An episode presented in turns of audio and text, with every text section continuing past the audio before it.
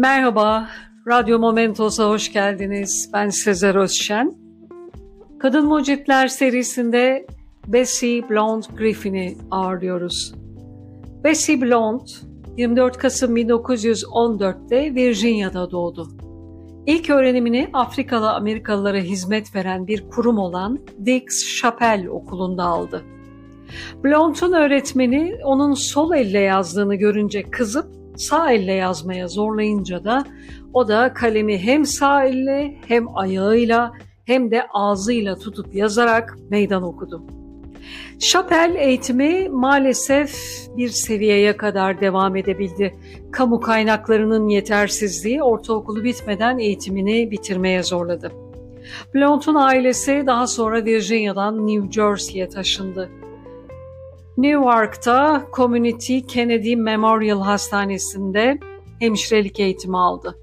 Panzer Beden Eğitimi Koleji'nde ki şimdiki Montclair Eyalet Üniversitesi okumaya devam etti ve sertifikalı bir fizyoterapist oldu.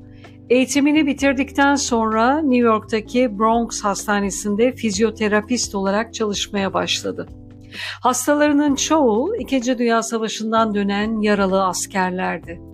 Temel görevleri yerine getirmeleri engelli hastalara ayaklarını veya dişlerini kullanarak bu şeyleri yapmanın yeni yollarını öğretti. Amacı gazilerin bağımsızlıklarını ve kontrol duygularını yeniden kazanmalarına yardımcı olmaktı. Bu sırada kendi kendine geliştirdiği bir alet, kendi başlarına yemek yiyemeyen birçok ampute için umut ışığı oldu. Cihaz yemek yerken boğulma veya başka problemleri engellemek için her ısırıktan sonra otomatik olarak kapanıyor. Hasta yeniden mekanizmayı ısırdığında lokma serbest kalıp ağzına geliyordu. 1951 yılının Nisan ayında Thomas Griffin ile evli olan Blond, cihazın patentini Bessie Blond Griffin olarak aldı. Bu cihazı tanıtma amaçlı televizyonlarda programlara çıkıp Gaziler Derneği'nin ve hastanelerin ilgisini çekmeye çalıştı. Ancak bu iş için hastanelerde yeterli bakıcı ve hemşire olduğu söylenerek ilgilenilmedi. Birçok buluşu olan Blond, tüm çabalarına rağmen alıcı bulamayınca 1952'de Fransız Büyükelçiliğinde anlaşma imzalayarak Fransız hükümetine askeri hastanelerde kullanılmak üzere patent haklarını verdi. Bir başka buluşunun haklarını da Belçika'daki şirkete sattı. 1969'da Blount, New Jersey ve Virginia'daki polis departmanları için adli tıp araştırmaları yürüten kolluk kuvvetlerinde ikinci bir kariyerine başladı. Hasta terapisi sırasında dişleri veya ayaklarıyla yazarken fiziksel sağlık ve yazma özellikleri arasında bir ilişki görmeye başlamıştı. Gözlemlerinden bir kişinin el yazısının sağlık durumunu nasıl yansıttığını gördü. Bu keşif tıbbi grafoloji üzerine teknik bir makale yayınlaması için ona ilham verdi. Makalenin yayınlanmasından sonra Blount'un adli tıp alanındaki kariyeri hızla büyüdü.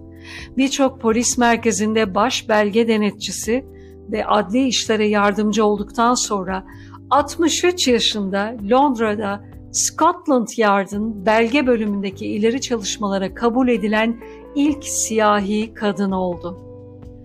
Daha sonra Blount kendi adli bilim danışmanlığı işini kurdu ve adli tıp deneyimini iç savaş öncesi belgeleri ve köle belgelerini incelemek için kullanarak 20 yıl boyunca yürüterek 83 yaşına kadar devam etti.